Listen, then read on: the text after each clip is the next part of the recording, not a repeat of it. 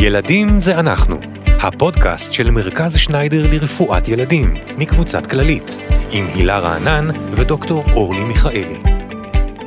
שלום, ברוכים הבאים לעוד פרק של ילדים זה אנחנו, הפודקאסט של מרכז שניידר מקבוצת כללית.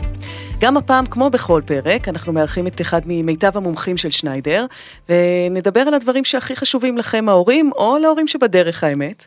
אני דוקטור אורלי מיכאלי, מומחית ברפואת ילדים ובאונקולוגיה ילדים ובגנטיקה של סרטן בילדים, וגם הפעם, כמו בכל פרק, לצידי נמצאת הילה רענן, אשת תוכן ואימא לשניים, מנהלת קהילת דיבלופי, ייעוץ להורים בתחום התפתחות הילד. היי הילה. היי אורלי, מה שלומך? את זוכרת את ה... בסדר, תודה. אה, עברו כמה שנים מבחינתי, אבל כן. את בטח תראי לך עדיין הלילות האלה של בכי בלתי פוסק, בגלל מה שנקרא גזים. זה לא כזה טרי, כי הקטן שלי בן ארבע, אבל אני בעוד אה, שבוע וחצי כנראה אזכר מחדש. בשעה אה, טובה שיהיה. תודה, תודה. אז אה, בהחלט זכור לי, זכורים לי לילות ארוכים מאוד של קפיצה על כדור פיזיו. אה, ואני חייבת לציין שזה די עזר במקרה שלנו, פשוט אה, התינוק באמת אה, נרגע, אבל הגב שלי נשבר. אז אם יש פתרונות אחרים, אני אשמח לשמוע עליהם. אז השאלה אם זה היה כאבי בטן או לא, ומה זה היה, ומה זה נכון. כאבי בטן.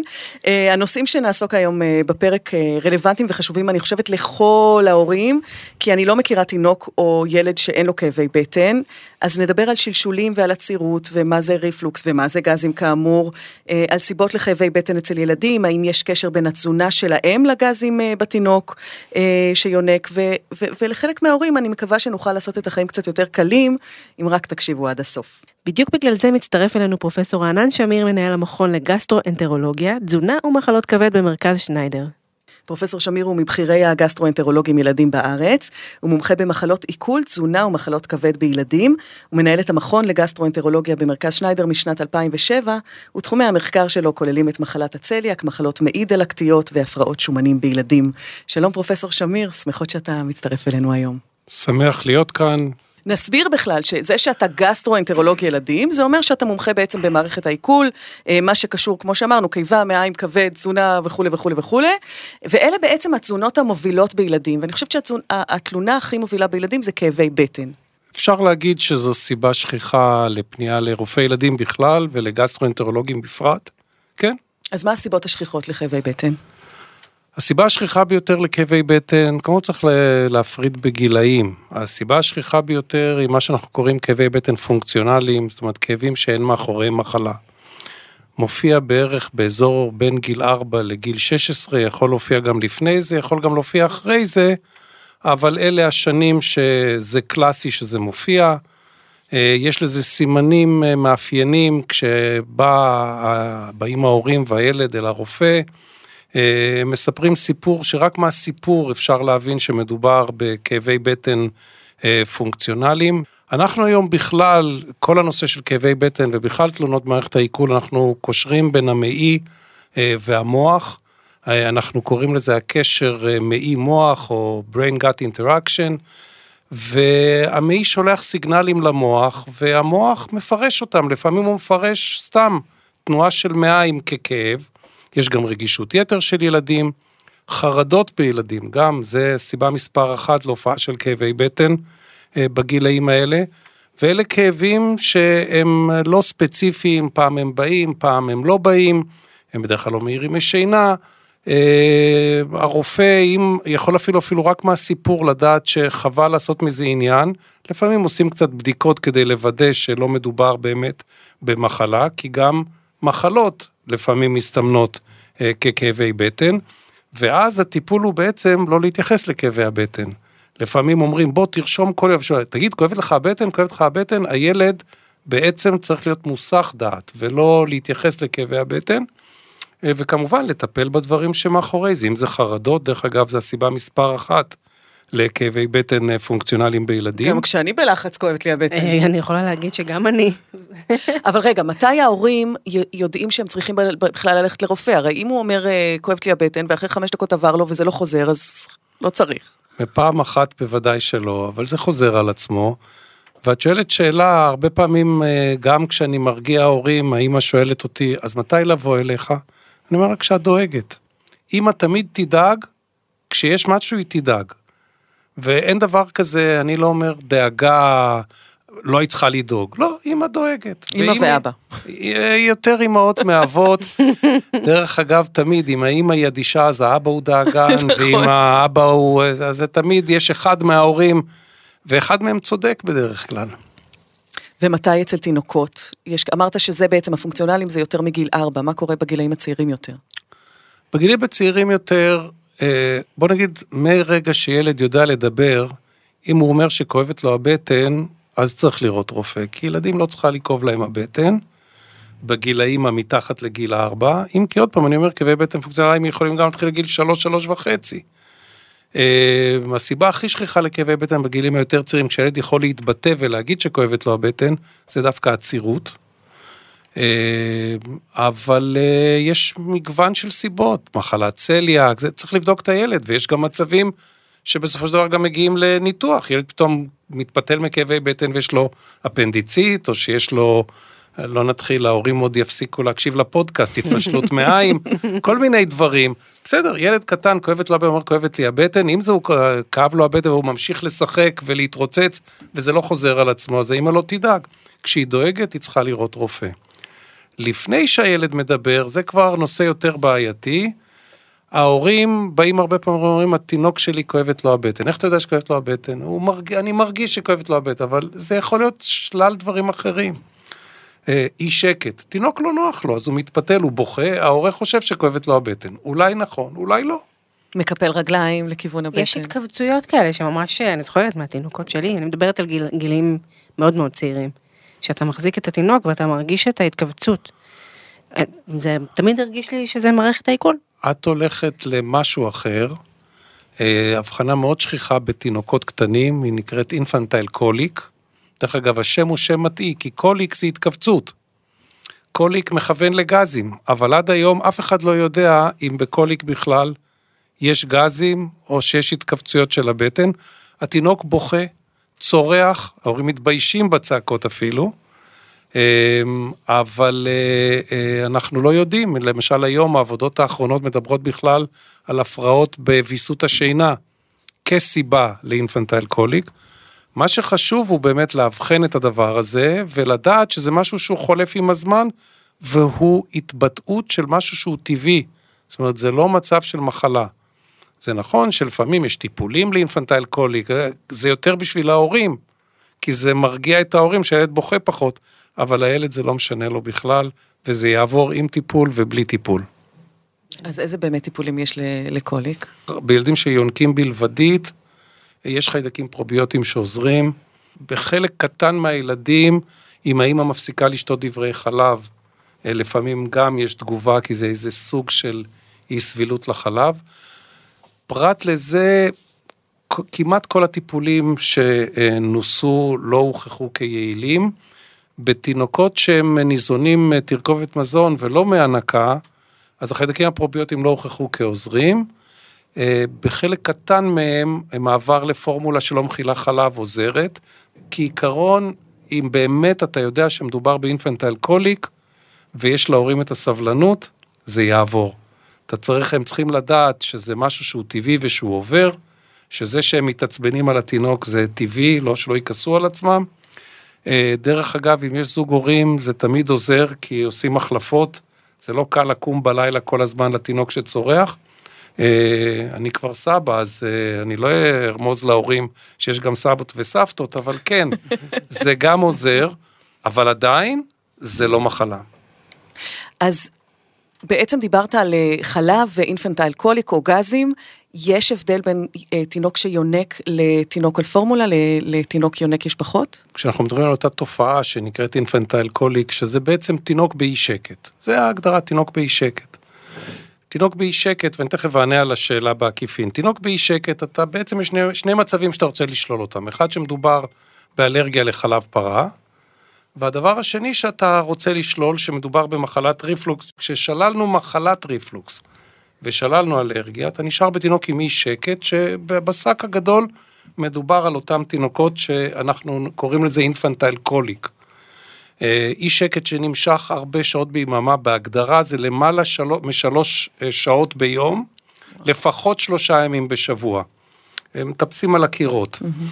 תינוקות יונקים, בדרך כלל יש להם פחות מאשר תינוקות שניזונים אה, מפורמולות.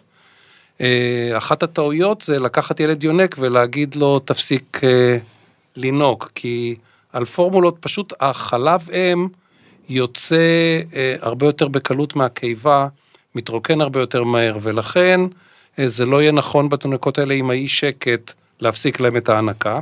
דרך אגב, עוד דבר שזה גם overfeeding, זאת אומרת, אה, אימא שמאכילה יותר מדי, יותר שכיח גם כן בפורמולות מאשר בחלב אם. אה, אז אה, התינוק הוא באי שקט, כי יש לו יותר מדי אוכל בבטן. זוכרת אבל, שאצלי זה היה ממש באותה שעה גם במהלך היום. סביבות חמש וחצי בערב היינו ממש קלאסי. מחכים שזה יתחיל, וזה קוליק התחיל. הוא בעיקר בשעות הערב. דרך אגב, הדבר שמרגיע ביותר תינוקות עם קוליק זה skin to skin, זאת אומרת מגע עור לעור, תינוקות ששמים אותם על הבטן, תינוק על המנשא. אז בסדר, אז האמא אומרת, אה, כל הזמן אה, התינוק, אה, כן, זה עובר. זה עובר, עובר. זה עובר, זה עובר. רוב הדברים בילדים אה, עוברים. יש דברים שיכולים, אבל נניח אמרת תנוחה, אז יש כאלה ששמים בדיוק את הבטן שלו על הכתף, כאילו בשביל שילחץ, או כל מיני תוספים כאלה, כמו תה. שומר, או מי ענבים, או כל מיני דברים כאלה. אתה עכשיו הכנסת כמה אה, אה. אפשרויות טיפול, או- מיתוסים. קודם כל לגבי תנוחות, אז כן, המגע עם הבטן, יש לו עזרה. אם המגע הזה הוא על ידי החזקה של יד, אנחנו בפודקאסט, אז אני לא יכול להדגים את זה, אבל אה, יש צורה שאתה מחזיק את התינוקות שהרבה פעמים מרגיעה אותם. נמר על העץ, זה נקרא. נמר על העץ, נכון, נכון, נכון, אבל גם זה לא תמיד עוזר דרך אגב. לגבי תה שומר צריך כמות גדולה של תה שומר, ועוד פעם, אנחנו מעדיפים שילדים יקבלו חלב. את החלב אם או את התרכובת ולא תה שומר. ולגבי אה, אה, סוכר ענבים, אה, עדיף לא, מכיוון שהפרוקטוז, הסוכר של מיץ ענבים הוא מאוד לא טוב גם לבסיס השיניים. הפעולה שלו לא על ידי טיפול באי שקט, זה חומר מאלחש. אז אם רוצים להלחש את הילדים, אז בבקשה. אני הייתי נותן להורים, ודיברת על זה שלאימא במקרים נדירים כדאי להפסיק מוצרי חלב, אבל אתה יודע שהרבה אימהות נמנעות מחומוס, ברוקולי, יש רשימה עצומה שמסתובבת ברשת של מה המצליבים. כדאי לאימא ל... כל המזונות המצליבים למשל, יש איזשהו, אני- איזושהי זה מחשבה. מיתוס, זה מיתוס, זה כן. מיתוס. אבל זה אוסר לאימא להרגיש שהיא עושה משהו. אז לא, אז עכשיו כל האימהות שמקשיבות לנו, וגם האבות שיגידו לאימהות, שתעשו לעצמכם חיים קלים יותר ותהנו מהאוכל. כן, זה לא... לא מספיק סובלים מהבכי של התינוק, גם צריכים לו לאכול. וגם חלב, אתה מנסה, עם המניקה, אתה יכול לנסות הפסקה של דברי חלב, אם זה לא עוזר, זה לא עוזר, ולהתחיל להפסיק עוד דברים, לא... רוב האימהות ששותות חלב, זה לא יגרום ל... לילדים ל... אה. רובן לא, רובן לא, אבל חלקן כן. טוב, אנחנו מדברים על, אה, על קוליק, ואני רוצה להעלות עוד שאלה, שהרבה אמהות בקהילה שואלות, וזה עצירות. אה, אני רוצה להתחיל דווקא מהגיל באמת הקטן יותר, בתינוקות, ממש, אה, מה נחשב עצירות, מה עושים במצב הזה, אני מרגישה מהקבוצה שיש הרבה הרבה חוסר ודאות, מה נחשב עצירות בתינוק, ומה אפשר לעשות? וואו, איזה שאלה. ראשית, בוא נתחיל מילוד. ילוד, כשהוא נולד, הוא צריך תוך 24 שעות להוציא את היציאה הראשונה שלו, שנקראת, אה, זאת אומרת, זו יציאה שחורה, ירוקה כזאת, אה, שהיא בעצם העירוב של המים המקוניאליים. אה, ו... מה שנקרא מקוניום. כן, וזה צריך לצאת תוך 24 שעות. תינוק שלא יצא תוך 24 שעות, כבר מעורר לנו דאגה. הדבר השני זה הנושא של המרקם של היציאה. הוא צריך להיות רך, הוא צריך להיות כמו חרדל, הוא לא צריך להיות אבן. עכשיו, תינוקות יונקים, וזה גם אחת, אבל תינוקות יונקים, יש תינוקות שיש להם יציאה אחת להנקה.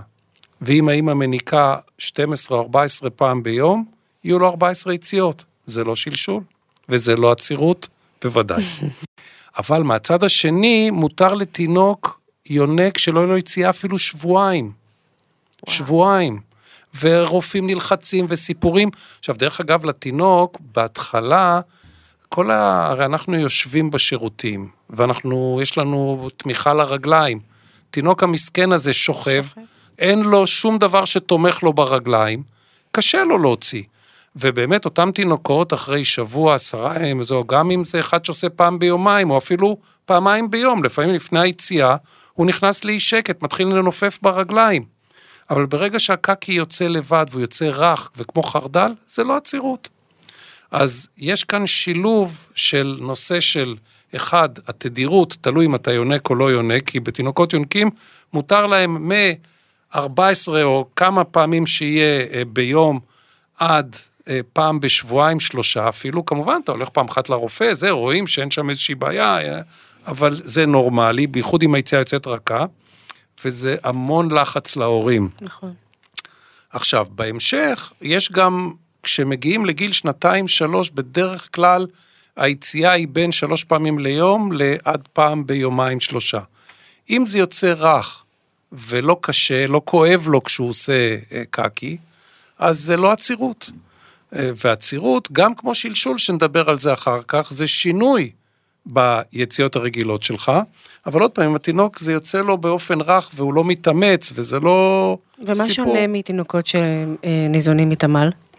בדרך כלל היציאות הן פחות רכות מאשר היציאות ב, אה, אה, בילדים היונקים, ואצלהם אנחנו לא כל כך נתקלים בזה שהם אה, יהיה שבוע או שבועיים בלי יציאה. אוקיי. אלא אם יש להם באמת עצירות, ואז זה גללים, הם אומרים, כמו כבשים יש לי, יוצאים גללים.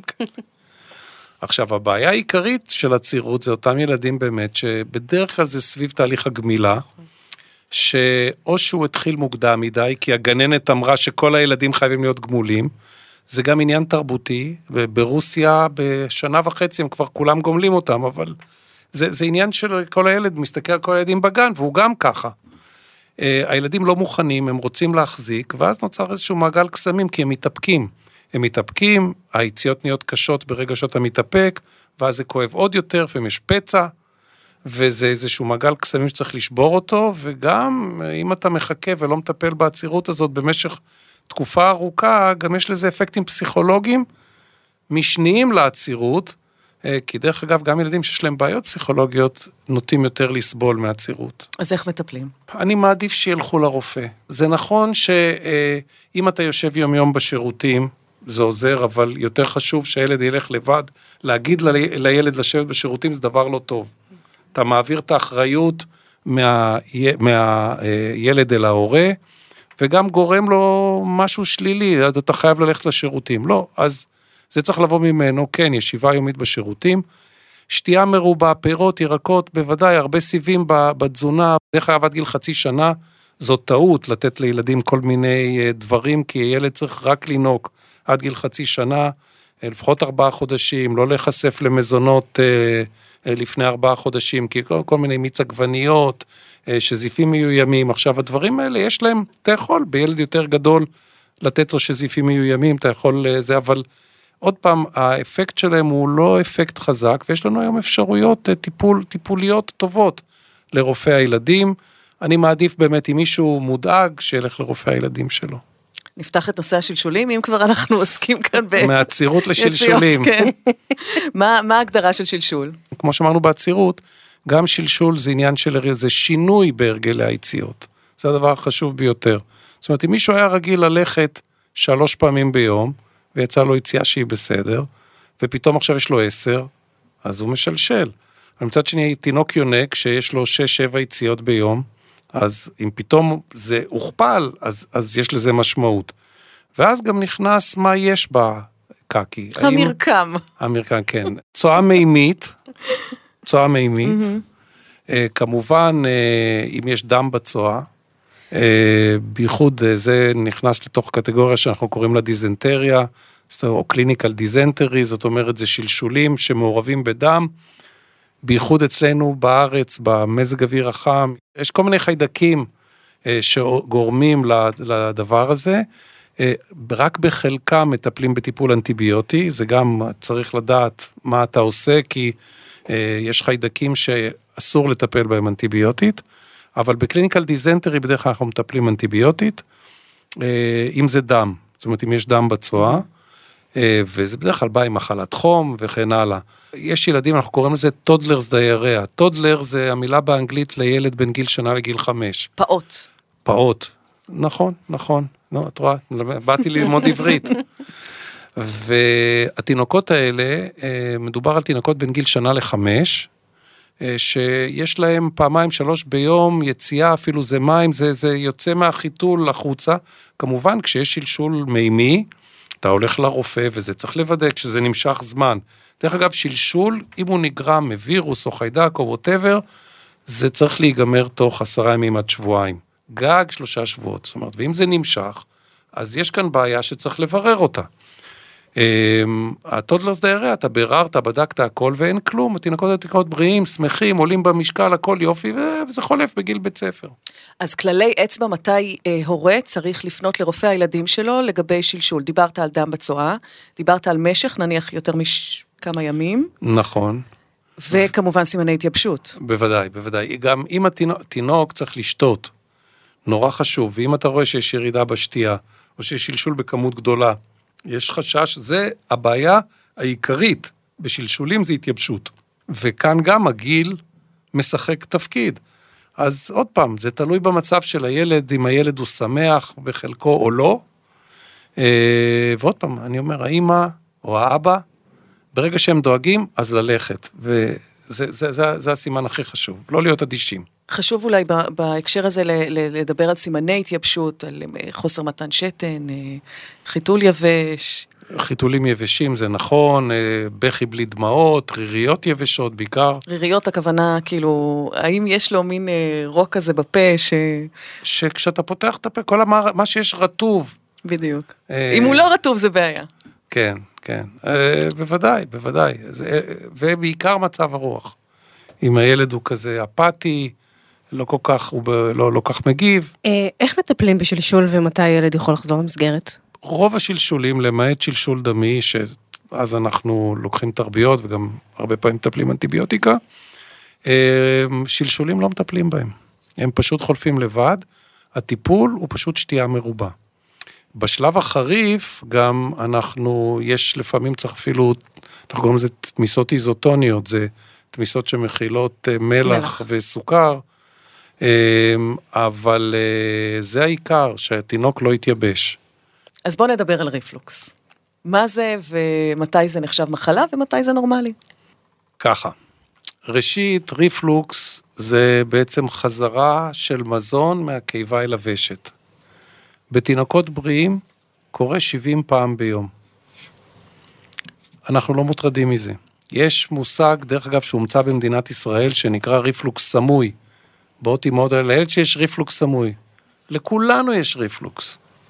השאלה היא, האם הריפלוקס הוא סיבת הבעיה של התינוק? בדרך כלל לא. אה, תינוקות באי שקט, נדיר שזה בגלל ריפלוקס, גם על ידי כמה שאלות אתה יכול לוודא אם זה כן או לא מחלת ריפלוקס. מה הכוונה היא? 70 פעם המזון עולה ויורד וזה שום דבר, גם ההורים אומרים, אני רואה שהמזון עולה לוושת וזה, אני שומע את זה, זה בסדר, זה טבעי. מחלת ריפלוקס זה כשזה גורם לפצע.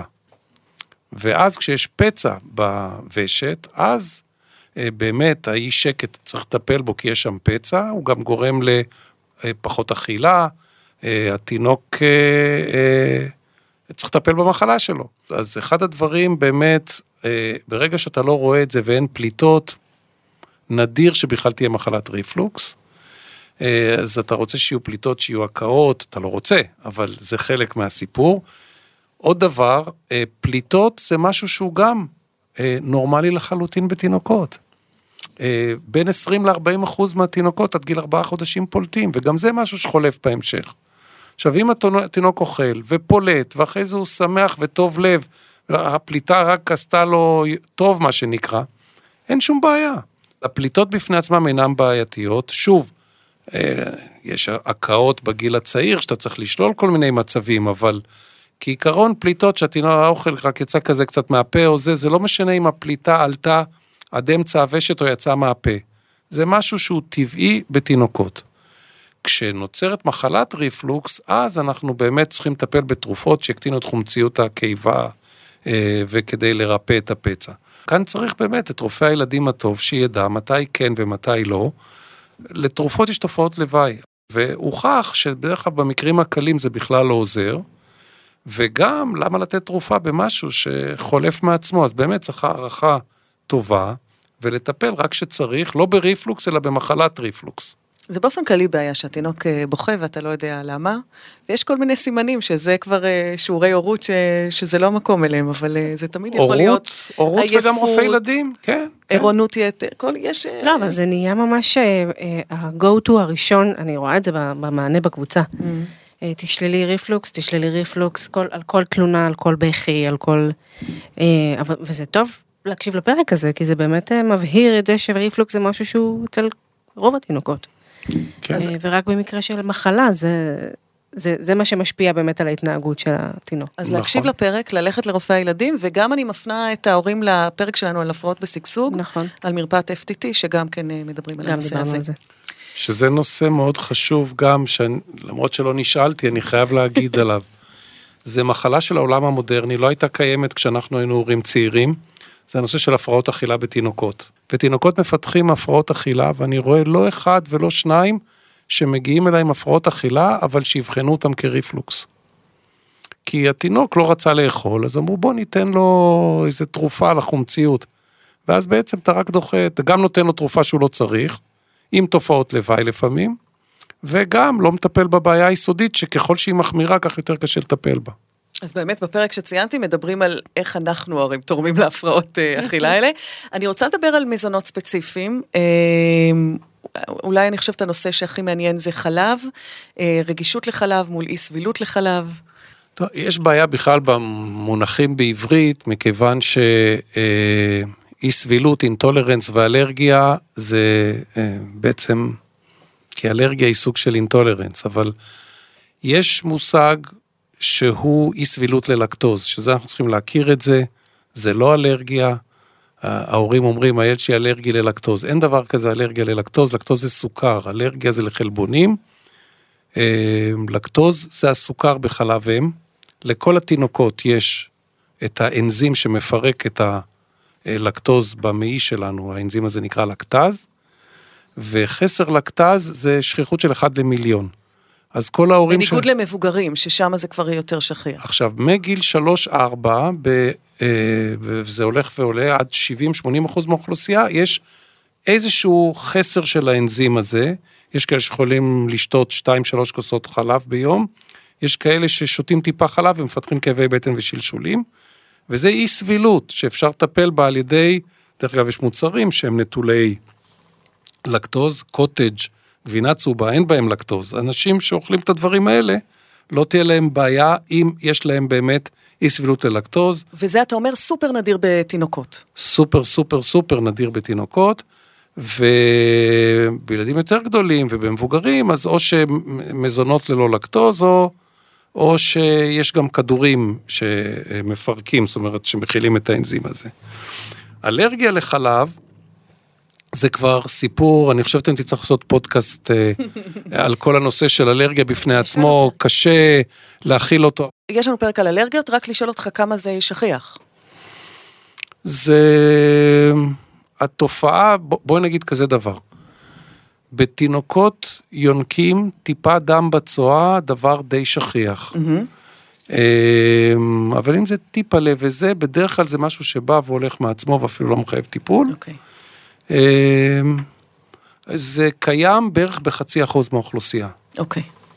ואם כבר אנחנו מדברים על מזונות, אז בכל זאת כמה מילים על, אה, על צליאק. צליאק זה איסור אה, מוחלט של אכילת גלוטן בגלל מחלה, או אני אדייק את עצמי. צליאק, כשאתה, כשיש לך צליאק ואתה לא אוכל גלוטן, אז אתה בעצם לא חולה. אז אני לא אוהב לקרוא לזה מחלת צליאק, זה צליאק. כי אם אתה לא אוכל גלוטן אתה בריא. יש לך... לוותר נטי- על לחם ועל פסק זמן זה בעיה. כן, זו בעיה, זה בעיה, וגם יש נטייה למחלות אוטואימוניות, זאת אומרת, אוטואימוניות זה שהגוף תוקף את עצמו, בעיות בבלוטת התריס, בעיות בכבד, כל מיני שהבסיס הגנטי הוא כמו צליאק, זאת אומרת, אתה יכול שיהיה לך צליאק וגם דברים אחרים, אבל כעיקרון, על דיאטה נטולת גלוטן, אתה אדם בריא לחלוטין, עם קצת יותר סיכון למחלות אוטואימוניות. יש עכשיו משהו שהולך ועולה ונהיה להיט, זה הנושא של אה, באמת גלוטן, נון צליה גלוטן אינטולרנס, זאת אומרת אי סבילות לגלוטן שאינה צליאק. Mm-hmm. עד כמה הדבר הזה הוא באמת קיים וזה לא מקרי צליאק לא מאובחנים, זה מאוד בעייתי. אני חושב שמי שרוצה להגדיר את עצמו כ... כי יש אנשים שנשבעים, הפסקתי לאכול גלוטן, אני מרגיש יותר טוב. אתה לא יכול להתווכח עם זה, גם אם זה משהו שרק הוא מרגיש ואין לזה בסיס מדעי. אבל הדבר היחידי הוא לפני שאתה מפסיק לאכול גלוטן, תיבדק שאין לך צליאק. כי חלק גדול מהאנשים האלה זה אנשים שהתחילו דיאטה נטולת גלוטן, וברגע שהתחלת כבר אי אפשר לאבחן את הצליאק, ויש הבדל בין מישהו שיודע שאסור לו כל חייו לגעת בגלוטן, לבין מישהו ש... כמו הלקטוז אינטולרנס, או שאתה, אז אני אשלשל קצת, אני זה, אבל זה לא סוף העולם. אז בעצם אנחנו אומרים להורים, אם אתם מרגישים שגלוטן או חלב עושה לילדים שלכם רע, תלכו להיבדק ואל תפחיתו מהם את המזונות האלה על דעת עצמכם. חלב אין לי בעיה שיפחיתו. גלוטן, אני מאוד מציע לא להפסיק גלוטן לפני ששללו צליאק. עם חלב יש לי בעיה, כי לפעמים יש תחושה לא מוצדקת שזה כן עזר, ואז מונעים לחלוטין גם את הסידן מהילד. זאת אומרת, גם אם זה, אתם חושבים אחרי המבחן הזה שעשיתם שזה עזר, כדאי בכל זאת לבדוק את זה. כן, הכי חשוב זה, וזה כבר הוכח, בילדים שהם אלרגיים לחלב פרה, הם, הם בתור מבוגרים, יש להם צפיפות עצם יותר נמוכה, זאת אומרת, מאזן הסידן שלהם פגוע. מה שנקרא אוסטאופורוזיס. כן, כן, כן, אוסטאופניה, אוסטאופורוזיס, נטייה לשברים. אוקיי, אז באמת לאבחן דברים לפני שאתם אה, לוקחים על דעת עצמכם. נעבור למיתוסים קצת? כן, דיברנו על, דיברנו על כמה מיתוסים לאורך הפרק, אבל אה, יש עוד כמה שאני בטוחה שתרצה להגיד לנו אם זה נכון או לא נכון. למשל, אה, תוסף של ברזל, האם הוא גורם לעצירות בתינוקות, או בכלל, לילדים. דבר ההמטולוגי, תוסף ברזל זה דבר נורא חשוב. עכשיו תדבר. ברזל, כשהוא נספג, בוודאי שהוא יכול לעשות תופעות לוואי. אבל בכמות. זאת אומרת, התוסף שנותנים לתינוקות, השש טיפות, זה לא עושה. זה לא עושה. יכול לצבוע את הקקי בשחור, זה כן. אמ, הוא לא עושה, והתינוקות צריכים את הברזל. עכשיו, כשאתה מדבר על מצבים אחרים, ילדים, קודם כל השכיחות בישראל היא מהגבוהות בעולם של אנמיה של חסר ברזל, וזה פוגע בתפקוד, וצריך לקבל ברזל. עכשיו, אה, ניתן ברזל עדין, ברזל בסוכריות, ברזל בזה. עכשיו, אם מישהו קיבל כדור ברזל שעשה לו קצת כאבי בטן, והוא עכשיו הוא לוקח ברזל שלא עושה לו שום דבר, רוב הסיכויים שהוא לוקח ברזל שלא נספג. אמ, זה נכון שבמינונים משמעותיים יכול לעשות כאבי בטן, אבל אני חושב שהתוסף ברזל הוא דבר חשוב. כמובן, אם יש, האמא דואגת למקורות אחרים לברזל ויודעת שלילד אין אנמיה וזה והוא בסדר, אז, אז בסדר. חסר ברזל גם, גם כזה שלא גורם לאנמיה הוא יכול להיות בעייתי, ולכן אני מדגישה בעצם מה שאמרת, שצריך לטפל ופשוט להתמודד אה, עם העצירות וכאבי הבטן, ויש כל מיני דברים. זה חשוב להדגיש, חסר ברזל בפני עצמו הוא בעייתי. בדיוק. הוא פוגע גם באינטלקט וגם פוגע בתפקודים. אה, עוד אה, מיתוס לגזים עוזר עיסוי של הבטן בכיוון השעון. נכון או לא נכון? נגד כיוון השעון. לא זה ולא זה. עוד פעם, אה, דיברנו על הנושא של אינפנטייל קוליק, אה, אותו אי שקט בתינוקות, ה skin to skin עוזר, אה, כיוון או זה, זה לא זה, זה עיקר זה המגע. אני חייבת לספר לכם שכשאני הייתי ילדה, סבתא שלי הייתה לוקחת ערק. ופשוט הייתה עושה לי עיסויים בבטן עם ערק כדי כאבי. נו, ערק עוזר או לא עוזר? טוב מאוד, טוב מאוד. עוזר למצב רוח של סבתא. כן, אני מקווה שהיא גם הייתה שותה ממנו קצת. סבא. אה, ניתן להסיק מצבע השלשול מה הגורם לו. לא מדברת על דם. לא, לא, לא, לא. ירוק, לא. צהוב, צהבהב לא. כזה. תראו, זה נכון שלפעמים לצבע הצואה יש משמעות, בייחוד צואה דמית. אה, עוד פעם, אמרנו, למשל הצואה השחורה, זה ילד שמקבל ברזל, זה לא... אבל אה, הצבע לא... הצהוב והירוק זה מלחי מרה. אוקיי. Okay. צהוב זה מלחי מרה שהגיעו מהר לטוסיק. וירוק זה שהיה להם זמן להיתקל. זה הכל. ולפעמים המים עובדים יותר מהר, לפעמים עובדים יותר לאט. אבל צהוב וירוק לא משנה שום דבר. ריר, גם תלוי אם זה רק ריר בלי דם, אנחנו לא נוטים לעשות מזה סיפור.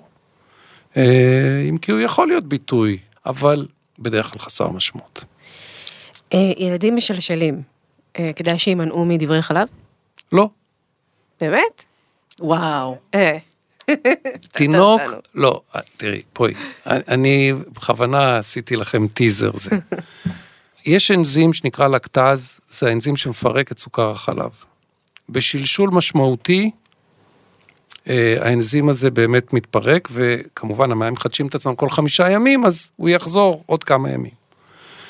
יש עבודות שמראות שכשיש שלשול מאוד קשה, שלשול שגורם לאשפוז, שם לתזונה נטולת לקטוז יש משמעות. אוקיי. עכשיו, אני מוכרח להגיד, הרפלקס, זה כנראה מדעית, אין לזה כל כך משמע, משמעות, אבל יש רפלקס שזה לא לתת דברי חלב, שזה בסדר. זה, אבל זה לא, זה לא, תלוי גם אם זה שלשול קל. מה שחשוב זה שילד ישתה. יש תזונה שבכל זאת אתה ממליץ בשלשול, אני כבר אומרת שלא קולה, כי זה משהו שאני גדלתי עליו. לא, אין, אין, עוד פעם, אנחנו חוזרים, זה דווקא מה שדיברנו קודם. צריך לוודא שאין התייבשות. פרט לכך, אין תזונה, אין תזונה עוצרת. אורז? קוראים לזה ה-bread diet באנגלית, שזה בננה, רייס, אפל טוסט, שזה בננה, אורז, תפוחים ו- וטוסטים. הוכח כקשקוש בלבוש. אני יוצאת מהפרק הזה בהלם. בסדר, אבל אני לא פסיכולוג, אני לא יכול לעזור. לא, יש כמה דברים שהקלנו על ההורים, כן? אני אה, מקווה. כמה אימהות מניקות שיכולות עכשיו לאכול קצת יותר דברים, כמה הורים שיכולים להיות יותר רגועים, זה חשוב. ואולי אה, יצרנו עוד שאלות אצל ההורים, אז בעונה הבאה אנחנו נענה על השאלות שלהם. בדיוק. טוב, אורלי, לפני שאנחנו מסיימות את הפרק המאוד מעניין הזה, תעשי לנו קצת סדר, מה למדנו? דגשים? אה, למדנו הרבה, למדנו שכאבי בטן הם אה, משהו נפוץ בילדים ולעיתים רחוקות אה, קשורים בבעיה גופנית, במחלה, בטח מעל גיל 4, אבל כן כדאי לברר אותם, בעיקר אם הם חוזרים או ממושכים או מלווים כמובן בעוד תלונות. אה, למדנו ששלשול אה, רגיל של אה, פחות משבועיים הוא לרוב לא בעייתי, אבל אם הוא עם דם או, או עם ילד שלא נראה טוב או, או מעל שבועיים, או כמובן אם יש סימני התייבשות, כדאי מאוד מהר להפגיע לבדיקה. למדנו שגזים חולפים בסוף ואין בדרך כלל טעם להחליף לפורמולה אחרת או לשנות את התזונה של האימא המניקה. למדנו שריפלוקס זה נורמלי ורק לעיתים רחוקות קשור במחלה, בטח לא בהנקה. בכלל, צריך להזכיר שהנקה היא הטובה ביותר אה, לקטנטנים. אה, למדנו על אלרגיה אה, לחלבון החלב מול אי סבילות לסוכר החלב שהם אה, שונים והם נדירים בסך הכל, אה, וגם לגבי ויתור על חלב וגם לגבי על וית- ויתור על אה, חיטה או גלוטן, כדאי אה, להתייעץ קודם, לפני שעושים את זה על דעת ההורים. אה, דייקתי? צריך עוד משהו? ייעוץ תזונתי כמובן, ייעוץ רופא. בסדר, פחות, כן. אי אפשר את כל הזמן הזה לקצר לשתי דקות. פרופסור רענן שמיר, מנהל המכון לגסטרואנטרולוגיה, תזונה ומחלות כבד בשניידר, תודה רבה שהצטרפת אלינו לפרק הזה. תודה לכם. תודה, אורלי. תודה לך, הילה. אה, תודה לכם שהאזנתם בפרקים נוספים, מוזמנים להאזין בספוטיפיי ובכל אפליקציות הפודקאסטים המובילות. ניפגש בפרק הבא. התכנים הנאמרים בפרק אינם מהווים ייעוץ רפואי או תחליף לייעוץ רפואי, והמידע הינו כללי בלבד. הוקלט באולפני אדיו, המשווקת את ספוטיפיי בישראל.